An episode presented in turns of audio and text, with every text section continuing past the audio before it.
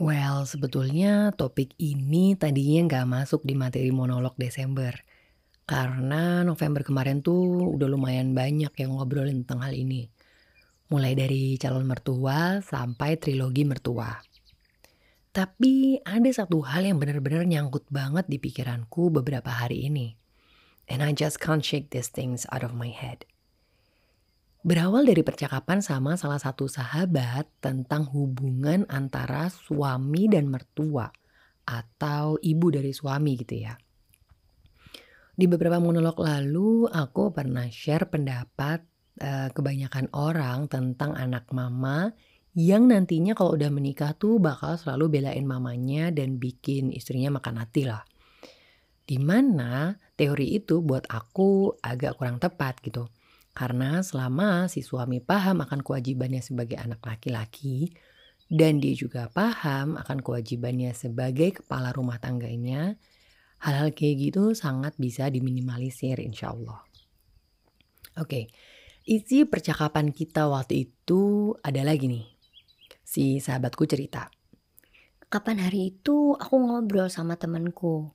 Dia bilang kalau suaminya tuh selalu belain dia di depan mertuanya.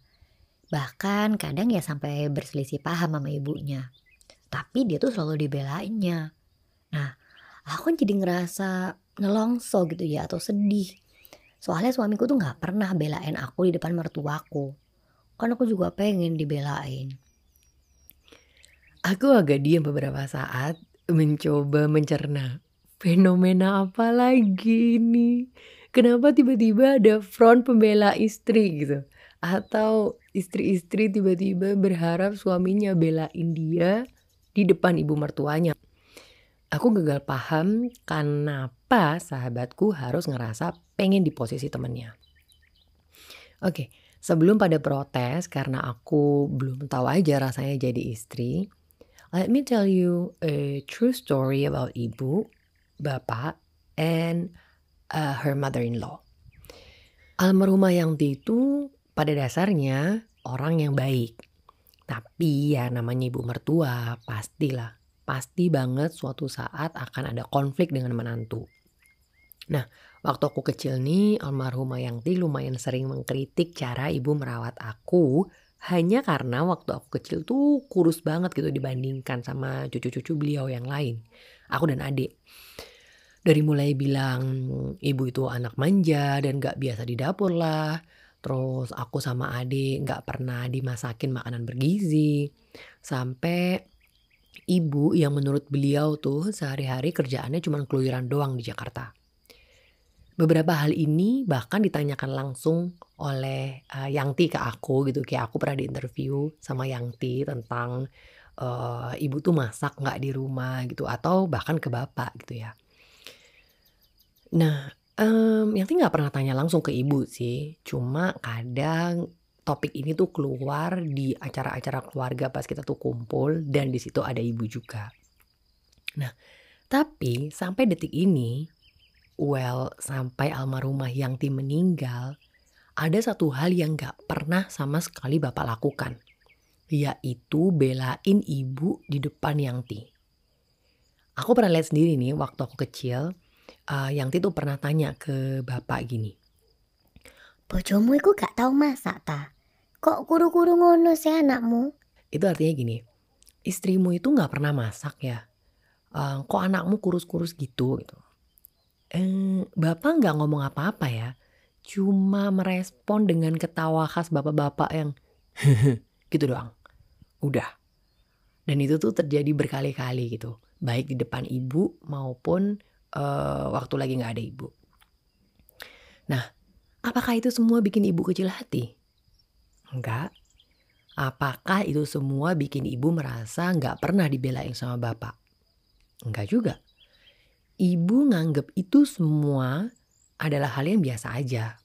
Nggak pernah tuh ibu protes ke bapak karena bapak nggak bilang apa-apa di depan Yangti gitu. Atau nggak pernah belain ibu di depan Yangti. Hal ini berlangsung sampai belasan tahun kemudian gitu. Sampai akhirnya kesabaran ibu membuahkan hasil Alhamdulillah. Yangti dulu semasa hidup tuh pengen banget keliling Eropa. Sekali seumur hidup aja katanya. tapi cuman mau ditemenin sama satu orang. Dan orang itu bukan anak perempuan beliau. Beliau cuma mau pergi kalau sama ibu. And she couldn't be happier to travel across Europe with ibu. Young T never stopped telling everybody about her trip even until the very end. Dari situ ibu menekankan aku tentang tiga hal. Satu, betapa pentingnya menikah dengan restu calon ibu mertua. Karena yang direstui aja akan ada konflik setelahnya. Apalagi yang dari awal si calon ibu mertua udah gak suka gitu ya sama kita. Itu akan lebih berat. Yang kedua, jangan pernah memposisikan suami di tengah-tengah antara istri dan ibunya. Yang ketiga, jangan suka ngadu-ngadu ke suami kalau ada kata-kata atau perlakuan ibunya yang membuat kamu kecil hati. Kamu memutuskan untuk menikah, ya kamu harus kuat. Harus bisa menghadapi konflik dengan bijak. Oke, kembali ke percakapan dengan sahabatku tadi gitu ya. Itulah alasan kenapa aku gak bisa relate sama perasaannya perasaan pengen dibelain sama suami di depan mertua gitu. Perasaan uh, pengen suami itu bisa stand up for us against his own mother. Aku nggak perlu dibelain sama suamiku untuk hal ini. Karena aku bukan tanah sengketa yang harus diperkarakan. Bahkan, maaf nih ya mas suami. Kalau kamu dengar ini atau suatu hari nanti akan dengar kalau suatu saat kamu hilaf dan belain aku di depan ibumu dengan nada yang tinggi, or even argue with her pas kita lagi makan bareng, aku izin buat nyenggol kakimu ya buat kode untuk berhenti gitu. Kalau masih nggak berhenti juga, ya aku injek dikit lah ya kakimu. Bukannya aku tuh nggak butuh pembelaanmu. Aku cuma nggak mau jadi orang yang membuat kamu durhaka sama ibumu. Aku cuma gak mau hati ibu mertuaku sakit hanya supaya aku bisa merasa bahagia karena dibelain. Kalau emang menurutmu apa yang ibumu bilang tentang aku itu gak benar, ya udah cukup nyengir aja bareng-bareng kita. Atau keluarkan jurus ketawa bapak-bapakmu yang hehe gitu. Kalaupun menurutmu ada hal yang perlu diluruskan, ya silakan ngobrol berdua dengan ibumu dari hati ke hati dengan suasana yang enak tanpa ada aku di situ. Jadi ibu mertuaku nggak ngerasa jatuh harga dirinya di depan menantunya. Well, what I'm trying to say is, ini bukan tentang aku belum aja nih ngerasain dikritik ibu mertua dan gak dibelain suami gitu. Tapi buat aku, ini tentang mindset cara berpikir yang harus aku tanamkan dan harus aku pegang teguh bahkan sebelum menikah. Jadi ketika konflik semacam ini nanti terjadi, aku tahu apa yang aku butuhkan gitu. Responku dari pernyataan sahabatku tadi adalah, sadar gak sih kalau kamu tuh lagi menginginkan sesuatu yang gak baik? Kamu menginginkan suami untuk belain kamu dengan cara menyakiti hati ibunya. Itu benar gitu. Apa gunanya kita sebagai istri kalau setelah kita masuk ke dalam kehidupan suami justru malah menjauhkan dia dari ibunya? Justru malah menyakitkan hati ibunya. Suami mau dapat ridho Allah dari mana kalau udah kayak gitu? Dengan suami diem aja tuh, buat aku ya udah lebih dari cukup gitu. Ya toh dia yang tahu gimana aku setiap harinya kan.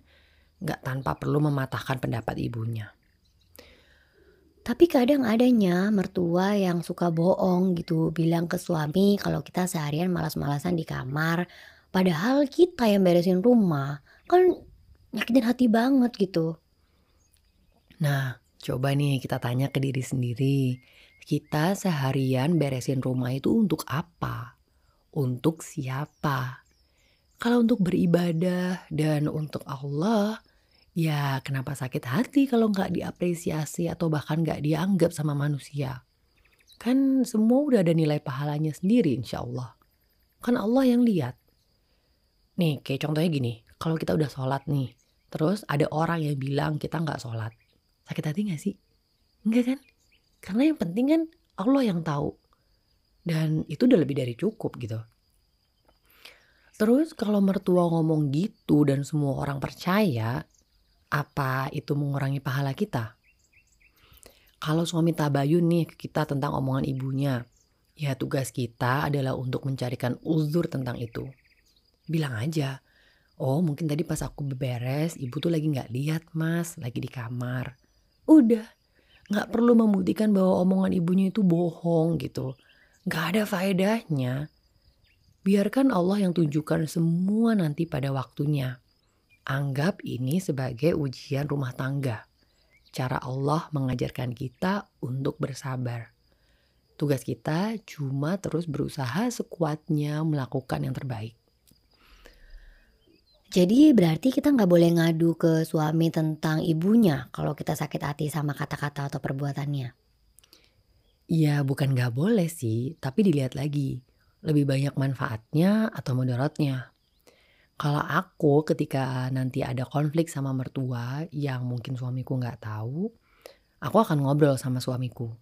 Bukan untuk gibahin ibunya atau bukan untuk mengeluh tentang ibunya, tapi lebih ke mencoba mencari tahu atau mencoba untuk tahu insight dari suamiku tentang apa-apa yang membuat ibu mertuaku atau ibunya tuh uh, mungkin bisa marah, bisa kecewa gitu. Tujuannya adalah supaya aku bisa lebih tahu tentang beliau. Sehingga aku jadi bisa tahu bagaimana harus memperlakukan beliau ke depannya supaya konflik yang sama nggak lagi terulang. Dan ketika kadang kita merasa kecil hati because mas husband doesn't defend us against his own mother, ask the ultimate question to ourselves. Apa sih tujuan kita menikah dulu? Buat aku, tujuan utamaku menikah adalah untuk beribadah pada Allah, insya Allah. Jadi semua yang dilakukan dalam pernikahan niatnya untuk menggapai ridho Allah. Semua masalah atau konflik yang terjadi dalam rumah tangga diselesaikan dengan cara yang sudah Allah atur dalam Al-Quran dan Rasulullah Shallallahu Alaihi Wasallam ajarkan dalam hadis bukan dengan cara yang aku inginkan. Tujuanku menjadi istri dari suamiku adalah untuk membersamainya beribadah.